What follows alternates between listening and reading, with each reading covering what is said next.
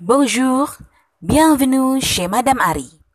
Pada kesempatan kali ini, kita akan belajar bagaimana memperkenalkan diri dalam bahasa Prancis. Sudah siap belajar? Yuk, cek yang pertama. Yang pertama adalah bagaimana kita menyebutkan nama dan menanyakan nama dalam bahasa Prancis. Comment dire et demander le nom en français. Perhatikan contoh berikut. Je m'appelle Ari Kusmiati. Et vous? Vous vous appelez comment? Ya, untuk menyebutkan nama, kita bisa menggunakan tindak tutur je m'appelle. Dalam hal ini adalah menggunakan kata kerja s'appeler.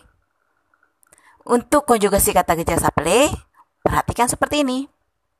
Je m'appelle, tu t'appelles, il s'appelle, elle s'appelle.